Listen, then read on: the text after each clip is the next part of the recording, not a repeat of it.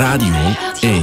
Als ze naast die, die wanneer je aan de staat. Weet ik veel met Kopen Ilse. Live van op de expo Heren Vertrekt. Heel goedemiddag. Welkom in de Sint-Pietersabdij in Gent. U hoort nu een live publiek.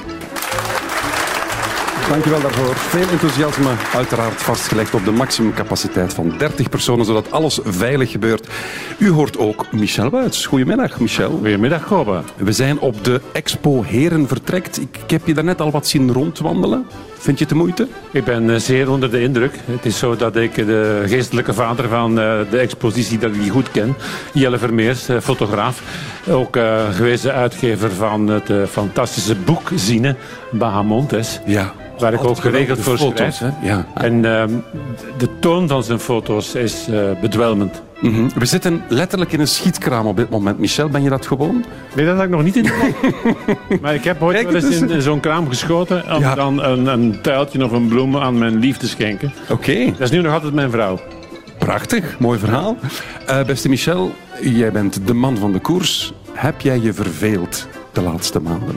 Nee, niet echt. Niet echt. Ik heb eh, snel geleerd dat ik mijn tijd anders moest gaan invullen. En ik heb mij vooral bezig gehouden met het lezen van boeken. Ik zit Over de koers? 24 of 25. Nee, als ik lees dan eh, neem ik eh, wat afstand van de koers. Ik moet elke dag ook over koers bijlezen. Ja. Het was dan natuurlijk wel wat minder, maar er verscheen wel elke dag wel wat. Hè. Ja. In de katernen van de sport moet er toch minstens één koersbladzijde komen over de hoop, de verwachting in een, in een tijd waar er niks gebeurt.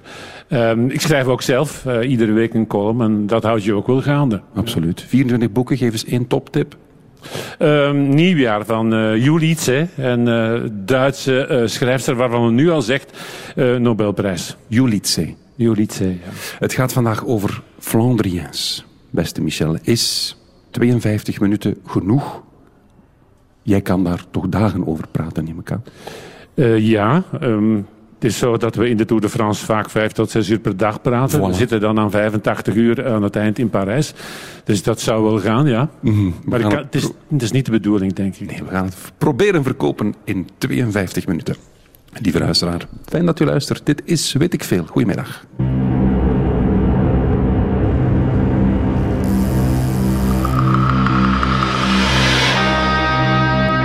gekromde ruggen, bulten in de Vlaamse Ardennen.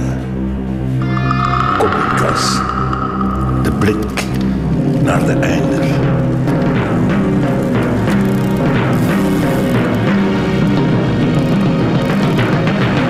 Stampend, pedaleren in stilte, afzien. Harder, harder, steeds harder.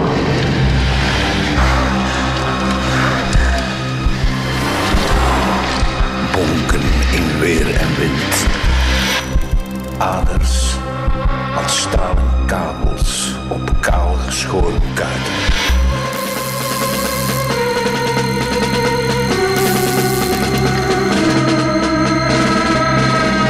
Het ultieme gevecht met zichzelf tegen alles.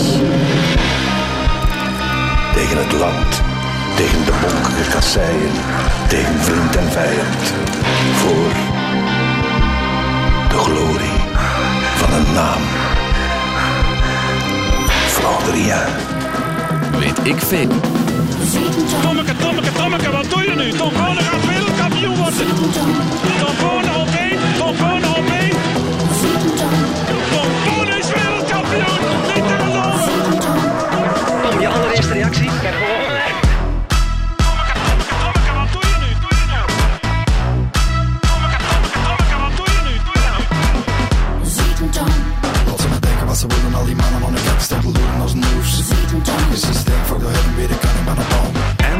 Eens vragen, Michel Wuits. Tommeke, tommeke, tommeke. Hoe dikwijls heb je dat al teruggehoord? Eh, ik schat een eh goede duizend en één keer. Hè? Ik, Ah. ik, ik neem dat mee in mijn graf. Ongelooflijk. Ik krijg zelfs eh, mailtjes of sms'jes of eh, allerlei vragen die mij zeggen van... Heb je zoal iets klaar voor Evenepoel? En heb je al iets... Nee, nee, nee. nee. Remco, Remco, Remco. Je plukt dat uit de lucht. Weet ik veel. Vandaag over de Flandrien. Maar Hedwig van Hooijdonk is op weg De rechte naar de overwinning. 22 jaar en winnaar van de Ronde van Vlaanderen. De eerste grote klassieke overwinning in zijn loopbaan. Dat hij het kon had hij al laten blijken een paar jaar geleden in eh, Parijs-Roubaix. Het is een eh, grote dag voor de Belgische wielersport, een triomf. Met deze 22-jarige Edwig van Hooijdonk. Eerste klassieke zege, maar zeker niet de laatste. Michel Wuits bij mij hier in de Sint-Pietersabdij in Gent. Want het gaat vandaag, er- over de Flandrien. Beste Michel, laten we beginnen bij het begin. Hè. Het woord Flandrien. Van waar komt dat en wat betekent het eigenlijk? Het komt waarschijnlijk eh, vanuit de hoek van eh, Franse persjongens.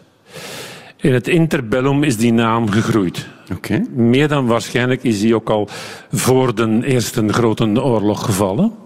Eh, in 1913 eh, organiseert eh, Brussel een 24-uur wedstrijd op de piste, de wielerbaan. Oké. En Karel van Wijnendalen, de vader van de Vlaamse wielersport, die trekt daar naartoe met een aantal renners van formaat.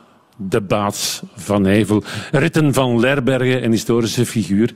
En dat zijn wilde brassen. Die gaan fel tekeer. Op de fiets Die of kwakken, die snijden pas af. Oké. Ehm, zijn zelfs niet vies om een vinger uit te steken naar een tegenstander. En dat gaat natuurlijk over de tongen. Ehm, en op grond daarvan, op basis daarvan, van dat wat eh, onbehouden gedrag, wordt eh, Vlaanderen, dat Vlaanderen wordt dat eh, geassocieerd met ruw, met ruig. En verschijnt daar de titel Flandrien. Als een soort scheldwoord dan. Ja, dat zou je op het eerste gezicht zeggen, maar dat verandert snel, omdat ze populair zijn. De trekken volle zalen in het pistewielrennen. En eh, later, als eh, Van Wijnendalen met zijn Flandriëns naar Parijs trekt, zijn ze ook daar graag gezien. Brood en spelen, hè? daar komen mensen naartoe. En dan willen ze graag gedragingen zien die wat afwijken van het normale. Dus wat stampen, daar houden de liefhebbers van de koers van.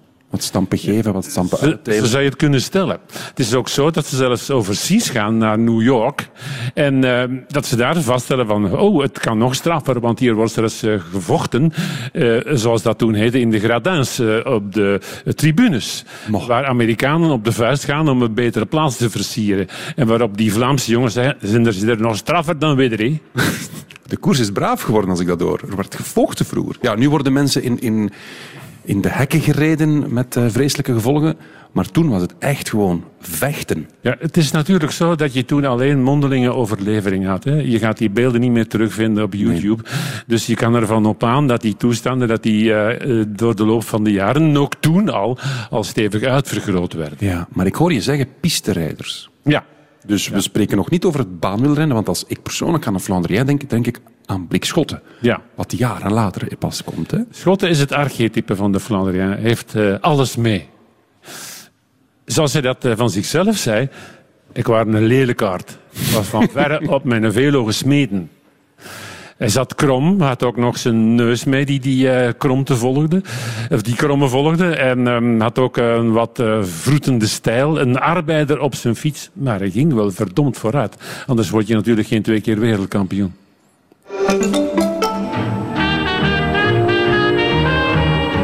Als je dat ziet, dan hij hij scheef op zijn velen en, en trekken en sleuren.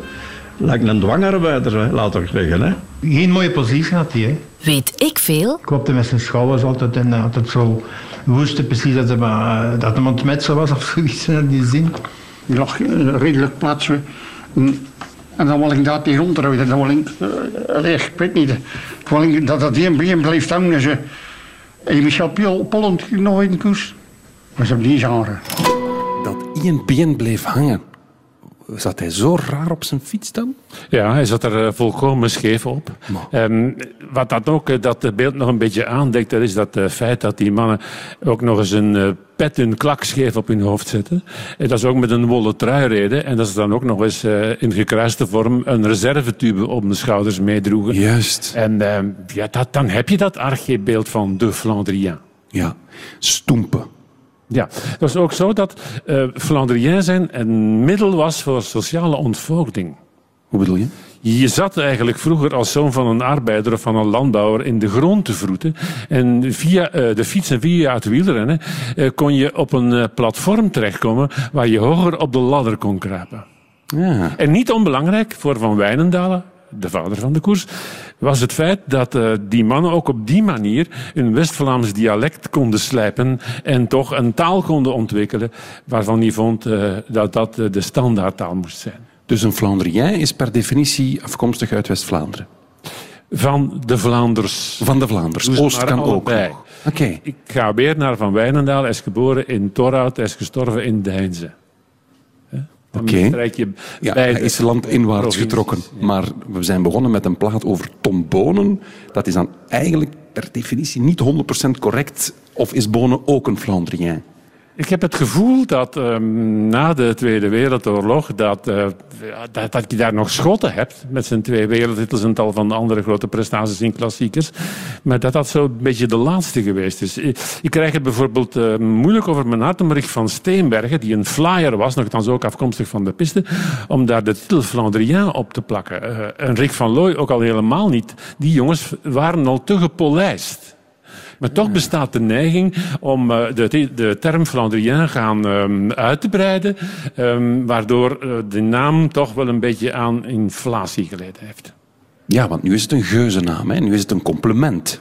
En nu wordt het misschien als Ja. iemand een solo doet, wordt het al snel gezegd op zijn merks of à la Flandrien. Ja, ehm, dat zit diep in ons, hè, de nostalgie. We willen het weer zoals het vroeger was. Dus gaan we ook de termen van vroeger weer op, op eh, zoeken en die eh, graag eh, in onze commentaren gebruiken. Gebruik je het zelf het woord in je commentaar? Eh, matig.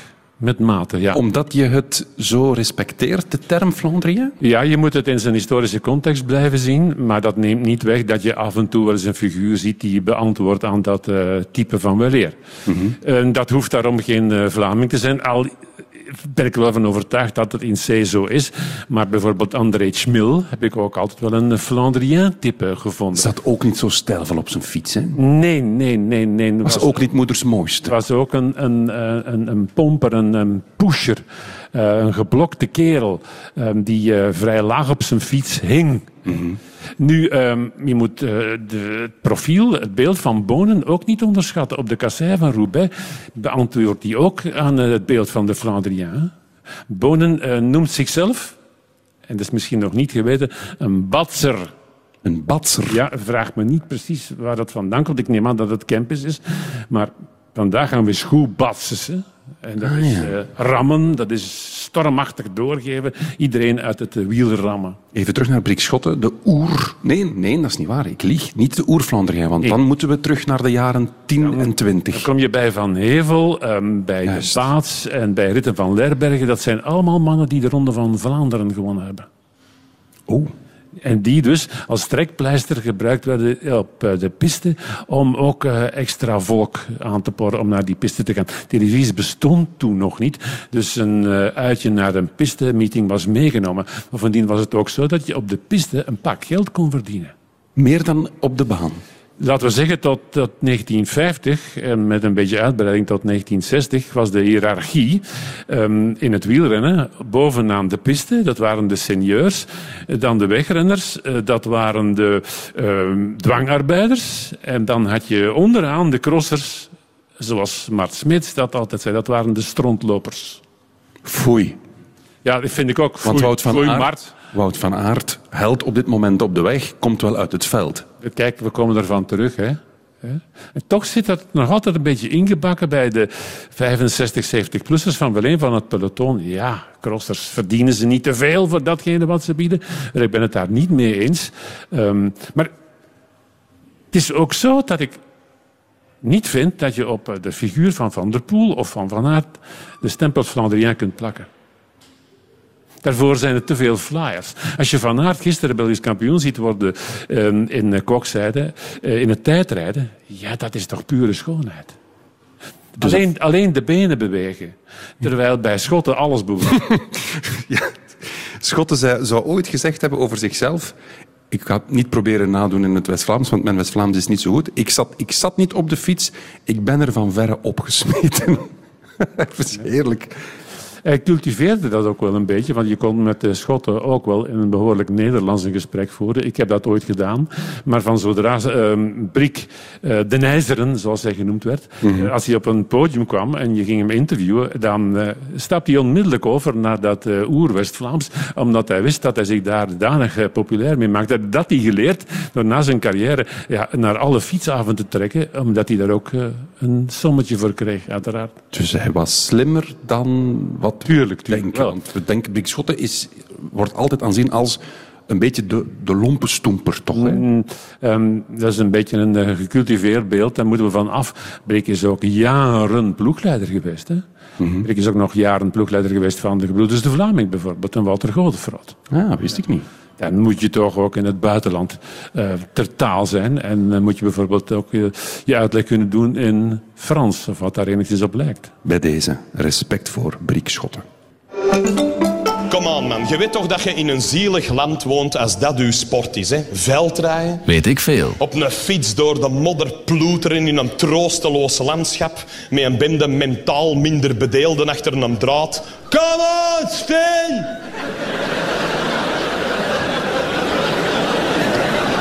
Is weg. Is weg. Ja, maar we hebben er toch een dag van gemaakt. Hè? Ja, ja, kom maar allemaal terug naar de bus. Terug naar de bus. Vanavond Reggie. Yeah! Er wordt gelachen hier in Gent, ook door Michel Wuits. Ja. ja. Kan een cyclocrosser een Flandrien zijn? In principe moet hij dat zijn, hè? Gezien uh, het traject dat hij kiest. Hij kiest bewust voor het veld. Hij kiest bewust voor een moeder aarde. Maar ondertussen is ook dat cyclocrossen geëvolueerd. Onder impuls van Erik de Vlaming is men afgestapt van het uh, zogeheten strandlopen, ja. van het baggeren. En is men eerder naar harde omlopen gaan overschakelen met hindernissen die men zelf bouwt. Denk maar aan balken bijvoorbeeld. Het mocht wel allemaal wat meer sexy zijn, volgens Erik de Vlaming. Die was eigenlijk zijn tijd vooruit. Welke jaren zitten we nu? we spreken nu over de jaren uh, 80, 90. Als okay. de Vlaming bondscoach werd na zijn uh, effectieve carrière, is hij zich gaan bezighouden met het uh, hertimmeren, het heraanleggen, heropzoeken van betere, meer lopende omlopen, waar ja, ja. de snelheid prioritair was. Want als je kijkt naar de heroïek van hoe sommige veldrijders over de meet rijden met de modder tot in de oren, vind ik het beeld van Flandrien wel passen. Natuurlijk, natuurlijk. Ik ben ook altijd verliefd geweest op de cyclocross. Ik vergeleek het altijd met mijn studentenleven. Ik bleef zelden hangen in kroegen in Leuven. Ik ging veel liever naar de dorpscafé bij ons in Lovenjoel, in het Leuvense. Omdat je daar kon praten met mannen met een, met een klak op, met een pet op. Die ook uh, zwinters naar de cross gingen in Overijssel of in Diegem. En uh, met graagte de spatten mee naar huis namen op een uh, overjas. Mm-hmm. Um, daar voelde ik mij meer mee op mijn gemak dan op de piste bijvoorbeeld. Ik heb uh, zelden of nooit de Zesdaagse van Gent hier gedaan, omdat ik verknocht was aan de cross. En nu nog altijd de crosswedstrijden becommentarieer. Dat verbaast mij, omdat de piste dan vol met VIP staat in het midden. Is, is dat het aspect wat je stoort? Is het toch wat elitairder en hou je van... De, de, de, pinten in de plastic bekertjes? Ik denk dat het uh, vooral gaat over contacten. Als je één keer geworpen wordt in die uh, crosswereld, dan ken je die jongens allemaal door en door. Dan ga je daar zelfs mee op reis. Als ze die naar het buitenland trekken, naar Praag of naar Rome, om al daar een cross te betwisten, dan zit je samen in hetzelfde hotel. Dan zit je samen ook in de bar. Um, ik met een uh, Negroni en zij met een water. Um, en dan zit je ook in het vliegtuig te praten over koetjes en kalfjes. Ja. En dat, dat, dat schept een en dan wil je daar ook niet van af. Komt dan er ook nog eens bij dat cross zeer populair is in onze regio. Daar waar Van Wijnendalen vroeger schreef in het rijke Vlaamse wielerleven, in 43 schreef hij, uh, de Kempen die lopen wel danig achterop. Oei. Dat kun je over crossers natuurlijk niet meer zeggen. Nee. Van Aert is een Kempenaar, Van der Poel is een Kempenaar, Paul Herrijkers, Vervekken, allemaal Kempenaars. Kempenaars zijn tegenwoordig koningen. Herrijkers, mijn co-commentator, lieve man. Heerlijke Koning der koningen. Ja. Over de Kempen gesproken, Sus van de Water laat ons weten. Hey, ik woon in Licht... Maar ik wou de Kempens doen, gaan we niet doen. Ik woon in Lichtaard. En bij ons is een patser iemand die pocht en liegt. Een liggende stoever eigenlijk. Dat zal dan uh, uh, regionaal, regionaal gebonden zijn. Ja, want jij zei daarnet over Tom Bonen. Hij... Zegt hij Batser of Patser? Batser, met een B. Ah, Zo wat jij daarnet zei, ja. dat Tom zegt voor een koers, we gaan nog eens batsen. Ik weet met zekerheid dat uh, Tom, als hij zichzelf een Batser noemt, dat hij het dan heeft over zijn rijstijl. Ongetwijfeld. Het thema van vandaag, lieve luisteraar en mensen hier in Gent, is de Flandrien. Wat hebben we al geleerd? Het is eigenlijk allemaal begonnen, begin van de 20e eeuw, door de oervader meneer van de Woestijn. Van Wijnendaal. Van Wijnendaal, mijn excuses. Ja, luister goed. Dus we zijn goed bezig. Straks het examen, het zal, goed, het zal schoon zijn. Daar is het begonnen op de piste. En dan eigenlijk de figuur van Brik Schotten. Dan zijn we jaren later. Er zijn nog wel een paar tussenfiguren. Toch? Ja, ja, ja. Het is zo dat die van Wijnendalen, die heeft alles gedaan wat je ook in de koers maar kon doen. Die heeft geschreven voor Sportwereld, is eigenaar geworden van Sportwereld. Dat is nu eigenlijk het sportkatern van het Nieuwsblad. Nu nog altijd. Um, die is eigenaar geweest eh, van een uh, zesdaagse, van een piste zelfs. Is ook manager geweest onder de uh, schuilnaam Macbolle. Um, Noem iets en is het geweest. Is ook de organisator van de eerste ronde van Vlaanderen. Dus uh, die man had een soort van almacht. Was zeer inventief, was uh, tot zijn veertiende naar school geweest. En is ook op een bepaald ogenblik uh, de, de José de Kouwer van toen geworden bondscoach. Was toen nog een stukje belangrijker dan nu, want nu ben je bondscoach voor de wereldkampioenschappen en de Europese kampioenschappen. Mm -hmm. Toen reed men veel meer wedstrijden in de landenformule en was je ook bondscoach in de Tour. En hij was dus bondscoach van Romain Maas, van Silver Maas, van Felicien Vervaken. En die werden ook Flandriëns genoemd toen zij, het zij de Tour won, het zij het bergklassement. Dus in de Tour reed, reed je per land? Toen, dan reed je per land toen, ja. ja. En wanneer is dat veranderd? Dat is veranderd in het begin van de jaren zestig. Rick van Looy bijvoorbeeld, die vertikte het om naar de Tour te gaan, omdat hij in die landenformule uh, zijn knechten niet mee kon nemen, of maar een deel, en dat hij daar het kopmanschap uh, moest delen met anderen, en hij dat niet erg vertrouwde. Hij is pas naar de Tour gegaan in 1962, toen men daar reed volgens de merkenformule. En hij met zijn Faima-ploeg kon aanzetten. Oké. Kunnen we eens een snelle ronde doen? Beste Michel, zeg ja of nee of het een Flandrien is, volgens jou of niet. Herman van Springel. Ja. Michel Pollentier. Ja. Eddie Merckx. Uh, ja. Ja? Ja, ja, ja. In het beeld van de Ronde van Vlaanderen van 69 en ook 75 dan moet je maar eens aan uh, Frans Verbeek vragen, was Merckx een Flandrien? Dan gaat hij zeggen van, ik heb van mijn lijve zo niet afgezien. Frans Verbeek? Ja, ja. Fiorenzo Magni? Als Italiaan toch, ja. Je wint anders geen drie keer op rij de Ronde van Vlaanderen. Stijn de Volder? Ja. Ja? Ja, ja, ja, ja absoluut.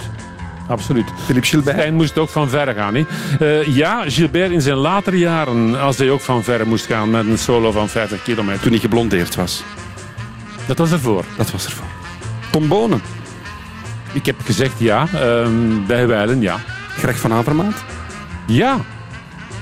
Ja? ja? In, in, in, in, de nieuwe vorm, hè? Ja, ja, ja. Als, als ze wat toegevingen doen. Ja. Oké. Okay. Chris Froome? Hmm. Nee, dat gaat te ver. Ook een bonkige stijl, trekt zichzelf ook omhoog? Ja, maar dat is niet meer bonkig, dat is spichtig. Dat is een uh, uitgetrokken giraf. Nee, dat hoort niet bij het uh, Flandrien tippen. Sepp van Marken? Ja. Ja, in, uh, in lichaam en in geest. Sven Nijs? Nee. Nee? Nee, nee, nee, nee. Je kan een man in een lycra-pakje met zo'n fluïde stijl onmogelijk de stempel Flandrien opplakken. Nee. Roger de Vlaming? Nee, um, ondanks het feit uh, dat hij alle koersen die Flandriëns moeten gewonnen hebben, meerdere keren gewonnen heeft, um, was zijn stijl te vloeiend. Wellicht was de Vlaming het schoonste wat God ooit met een fiets gedaan heeft. Dat is mooi gezegd. Om af te ronden, Johan Museeuw. Ja. De leeuw van Vlaanderen. Ja, ja bij uitstek, ja. Bij uitstek? Ja. Vier keer uh, um, Parijs-Roubaix zeker? Nee, drie keer. Drie keer Parijs-Roubaix en uh, drie keer uh, de Ronde van Vlaanderen. Met de bandana was dat, hè?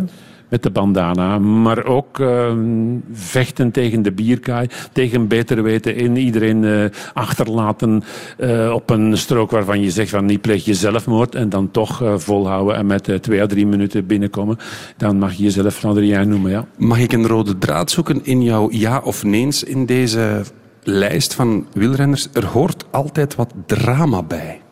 En dat is misschien bij Sven Nijs wat te weinig. Er is weinig drama rond Sven. Terwijl bij die andere namen waar je volmondig ja op zei, daar, daar, daar zit ook wat... Hmm, dat afzien, dat, ja, dat drama bij. Begrijp je wat ik zeg? Gaat het daar niet om? Is dat niet het succes van het wielrennen? De dramatiek? Ik voel dat zo wel aan.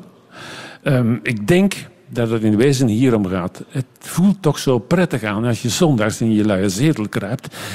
En je weet, ik ga mensen zien afzien. En ik heb daar zelf geen last van. Ik zie mensen glimlachen en ja knikken. Je hebt er zelf geen last van. Ehm, ik eh, mag me gelukkig prijzen dat ik daar iets mag bij zeggen. Dat ik ehm, mijn nervositeit kan ventileren. Ik geef je op een blaadje. Als ik moet kijken zonder een woord kunnen te zeggen, dan loop ik weg. Ik geef uh, moedig toe, in de jongste uh, Milan Sanremo ben ik op een kilometer acht van de streep weggelopen naar de ijskast om uh, een drankje te nemen. Dat is me gewoon te sterk. Dat ik vroeger uh, als merksupporter keer op keer. Ik heb die nooit aan Sanremo zien winnen. Ik uh, ging op de vlucht en uh, sloot mij op. in de gang loop ik, liep ik het toilet binnen. Ik sloot mij op op de pot. En tot mijn moeder dan kwam kloppen en riep van kom er maar af, hij wint. dat was niet ik heb Merks iedere keer weer aan Sanremo zien winnen in de herhaling.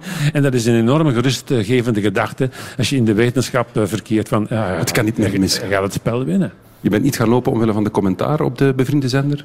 Uh, nee, nee, nee. Okay. nee. Uh, dit, uh, ik ben wel teruggekomen en heb dan zitten te voelen en te vloeken omdat uh, Alaphilippe niet meer overnam. Ah. Ja. Ik vind dat je als je kampioen bent, dan moet je tot, tot het inzetten van de sprint overnemen. Voilà, het, is, het is er vanaf en bij deze noem ik Alaphilippe toch weer een kampioen. Voilà. Ik vroeg toen je binnenkwam, beste Michel, heb je een nummertje om aan te vragen? Altijd leuk dat de gast zelf een nummer Ja, en ik had het er moeilijk mee. Hè, ja, je twijfelde. Associëren met, de, met, de, met de koers. Maar ik kwam dan op een uh, idee, dat kwam plots binnen te warrelen. Hopeloos van Wiltura. Alsjeblieft. En waarom? Wel, um, primeur, dames en heren, primeur. Ja, op YouTube Hopeloos van Wiltura opzoeken en dan gaat u daar een ranke dame in een uh, fijn uh, gesneden pakje zien dansen met een uh, stijlvolle hoed op. De videoclip op YouTube bijvoorbeeld? Ja, ja, en dat is mevrouw de Kouwer. Mevrouw José de Kouwer. Ik neem aan dat ze toen nog net niet mevrouw de Kouwer was, maar dat dat komende was. Uh, Sylvana heet ze. Sylvana? Dus dat uh, is een naam als van een woud, van een bos. Dus als ik uh, aan José vraag hoe is het met je vrouw, dan zeg ik niet hoe is het met Sylvana, hoe gaat het met je bosnimf? Zitten er wielertoeristen in de zaal? Weet ik veel. Dat zijn klootzakken, hè? En pas op, ik snap dat die willen gaan wielrennen, want wielrennen is eigenlijk perfect om vreemd te gaan. Je moet niet zeggen waar dat je naartoe gaat. Je kunt gemakkelijk vier, vijf uur wegblijven. Je kunt overal gezien worden, want je zit aan het fietsen. Als je thuis komt, je vrouw vindt dat niet raar dat je direct gaat douchen. En je moet niet liegen. Hoe was het? Ben diep moeten gaan.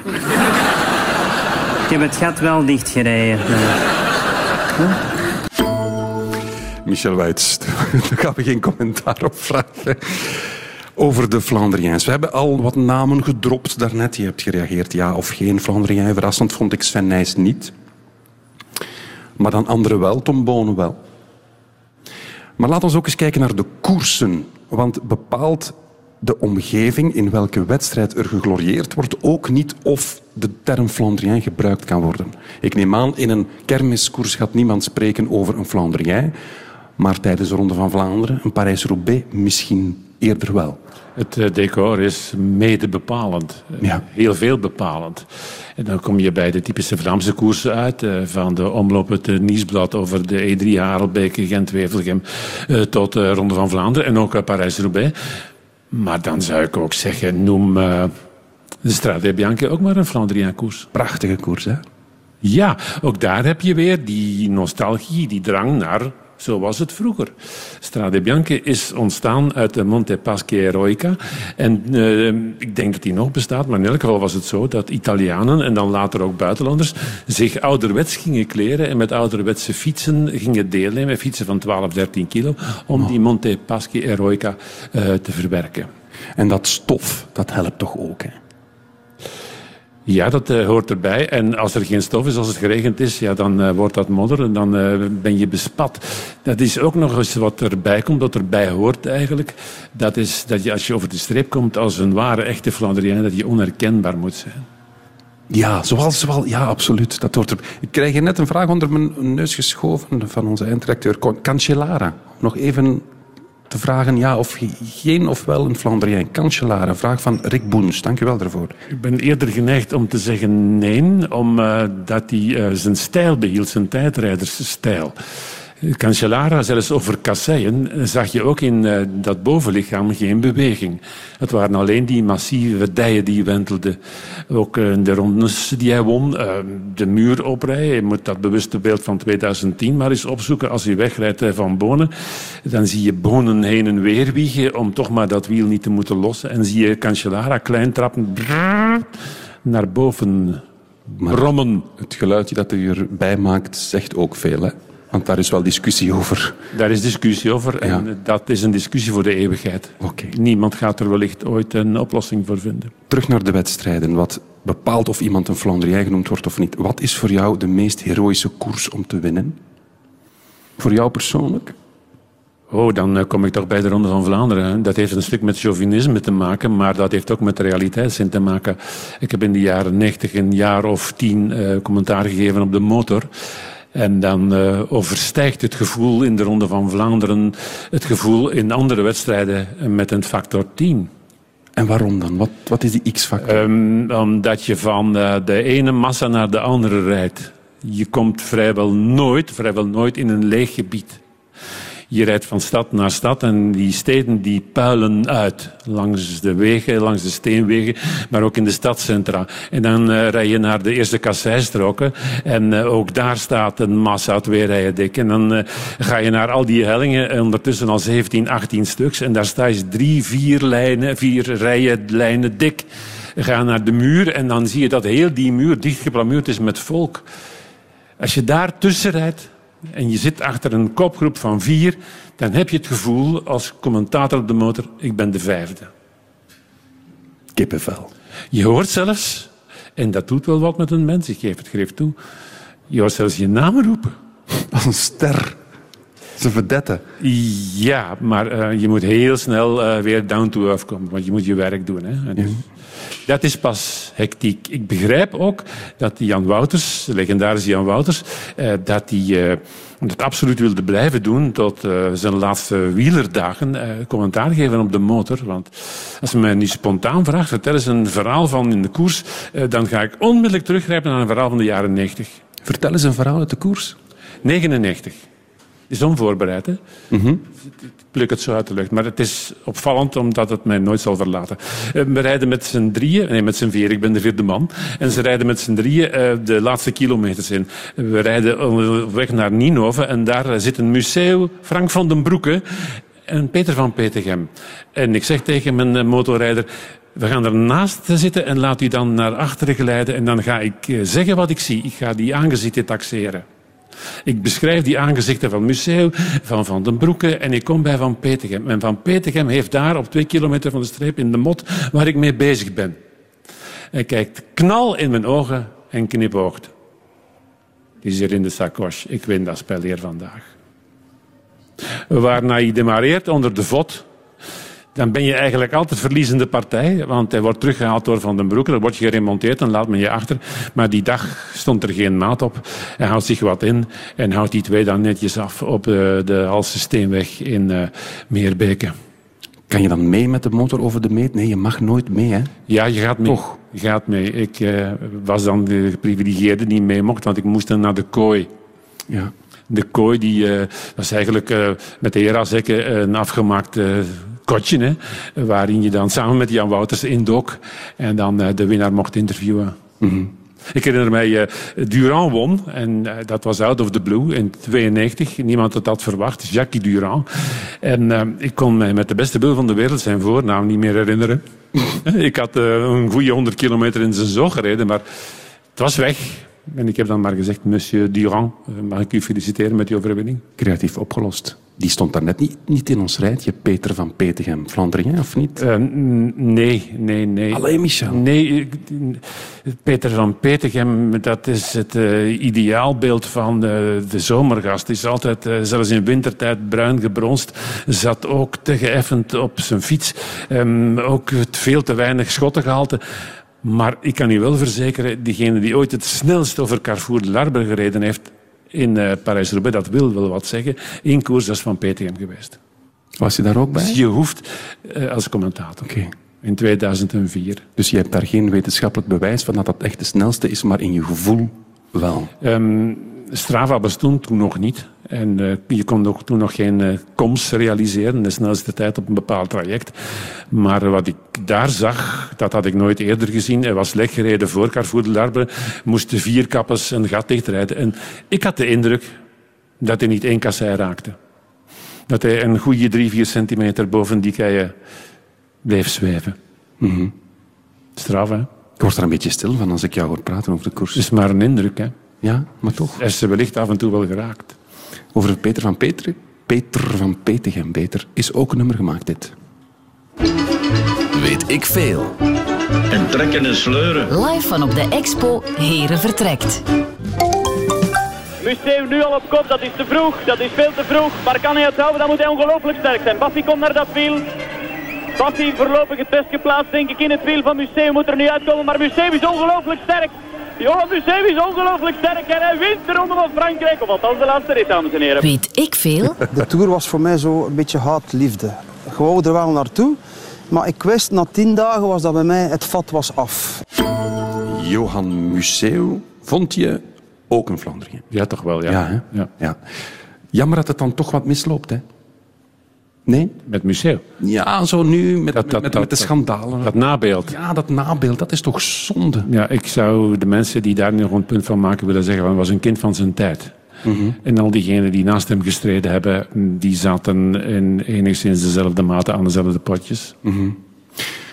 Dan zijn we er ook wel een beetje, hè, dat wielrennen, die toekomst. Ja, de doping is er, was er.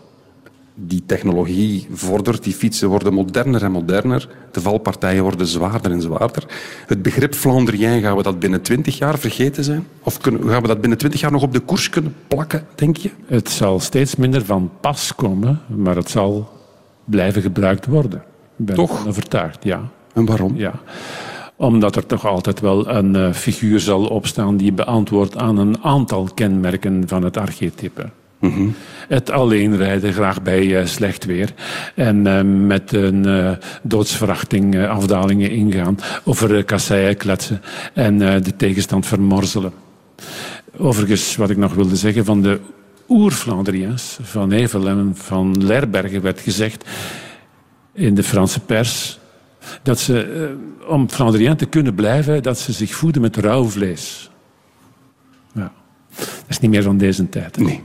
Alhoewel, alhoewel steak tartare. Goed biefstukje. Ja. Jij volgt de koers al hoeveel jaar? Ken je daar een 30. 30 jaar. Ben jij soms ook niet een beetje gedegoteerd? Dat is geweest.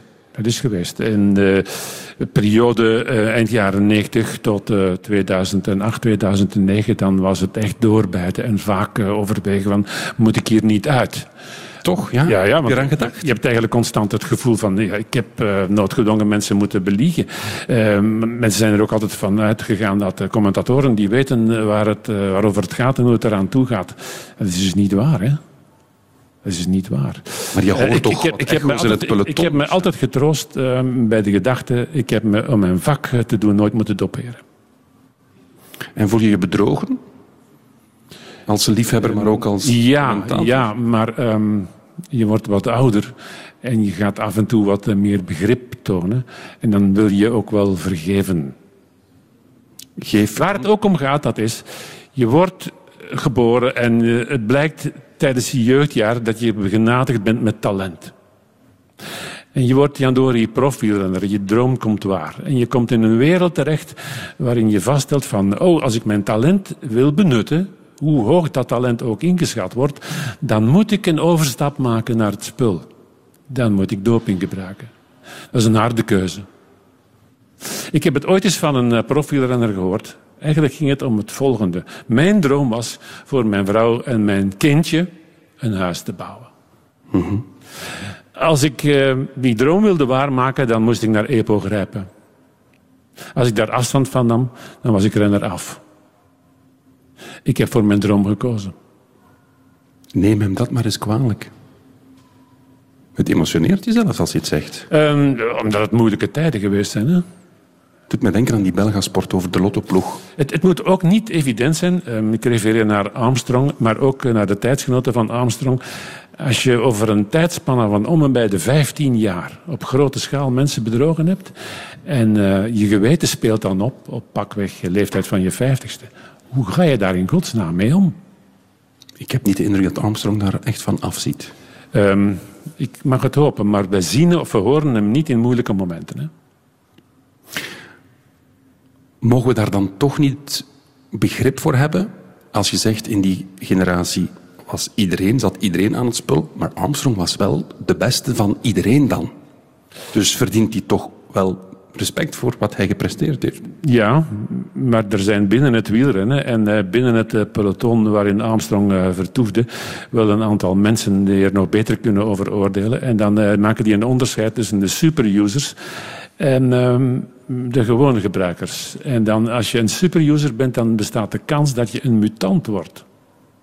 Dat het niet meer menselijk is. Ja, en dat je uh, kwaliteiten gaat krijgen die je vroeger niet had. Laat me dan stilaan afronden. We hebben nog één minuut, beste Michel. Met, we hebben al wat namen overlopen. Lance Armstrong, Flandrien, of niet? Nee. Nee. Klimmerstippen, tijdrijderstippen. Nee, dat is maar wel een vechter. Dat wel, dat wel. Maar je moet dan toch wel blijven beantwoorden aan dat beeld, vind ik. Oké. Okay. De toekomst. Remco Evenepoel. We hebben nog 30 seconden, Michel. Wordt dat de Flandrien Wordt dat de man waar wij weer grote successen, de Ronde van Frankrijk... Hij gaat Flandrien-prestaties neerzetten, dat heeft hij overigens al gedaan. Hè? Mm -hmm. Als hij in de Ronde van Polen wegrijdt op 50 kilometer van het einde, dat is uh, magisch. En als hij de klassiekast van Sebastian wint uh, door een uh, onwaarschijnlijke solo, dan heeft hij dat niveau nu al bereikt. Mm -hmm. Er komt nog veel meer, heel veel meer. We gaan nog smullen, hè? Ik hoop dat ik erover kan klappen. Hoe oud ben je?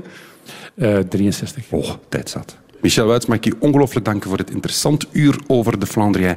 Kom naar Gent, kom naar de Sint-Pietersabdij. Heren vertrekt. Boeiende tentoonstelling. Radio 1. Weet ik veel?